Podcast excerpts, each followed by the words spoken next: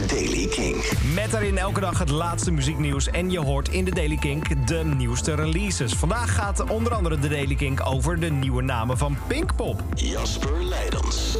En daar is vandaag direct al heel groot nieuws over. Want vandaag zijn de eerste headliners van Pinkpop 2024 bekendgemaakt. Grote namen op de poster zijn Calvin Harris, Måneskin en Ed Sheeran.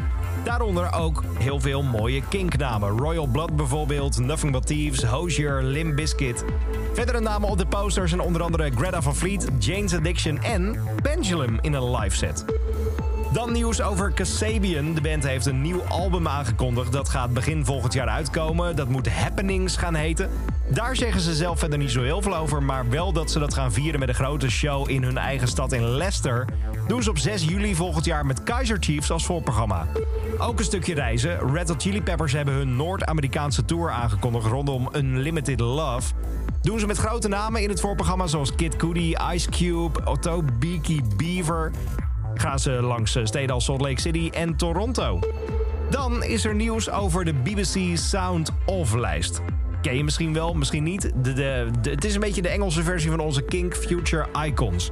Voorspelling van wat de namen van de toekomst zullen worden. In de BBC Longlist staan op dit moment Aya Star, Katie Baser, C-Matt uit uh, Ierland, dat is wel heel tof, Elmini, Kenya Grace en The Last Dinner Party. Heel benieuwd wat het daar gaat worden. Tot zover deze editie van de Daily Kink. Wil je elke dag op de hoogte blijven van het laatste muzieknieuws? Luister dan naar Kink in Touch op de radio. Dat is vanaf 7 uur s avonds. Of abonneer je op deze podcast. Elke dag het laatste muzieknieuws en de belangrijkste releases in de Daily Kink.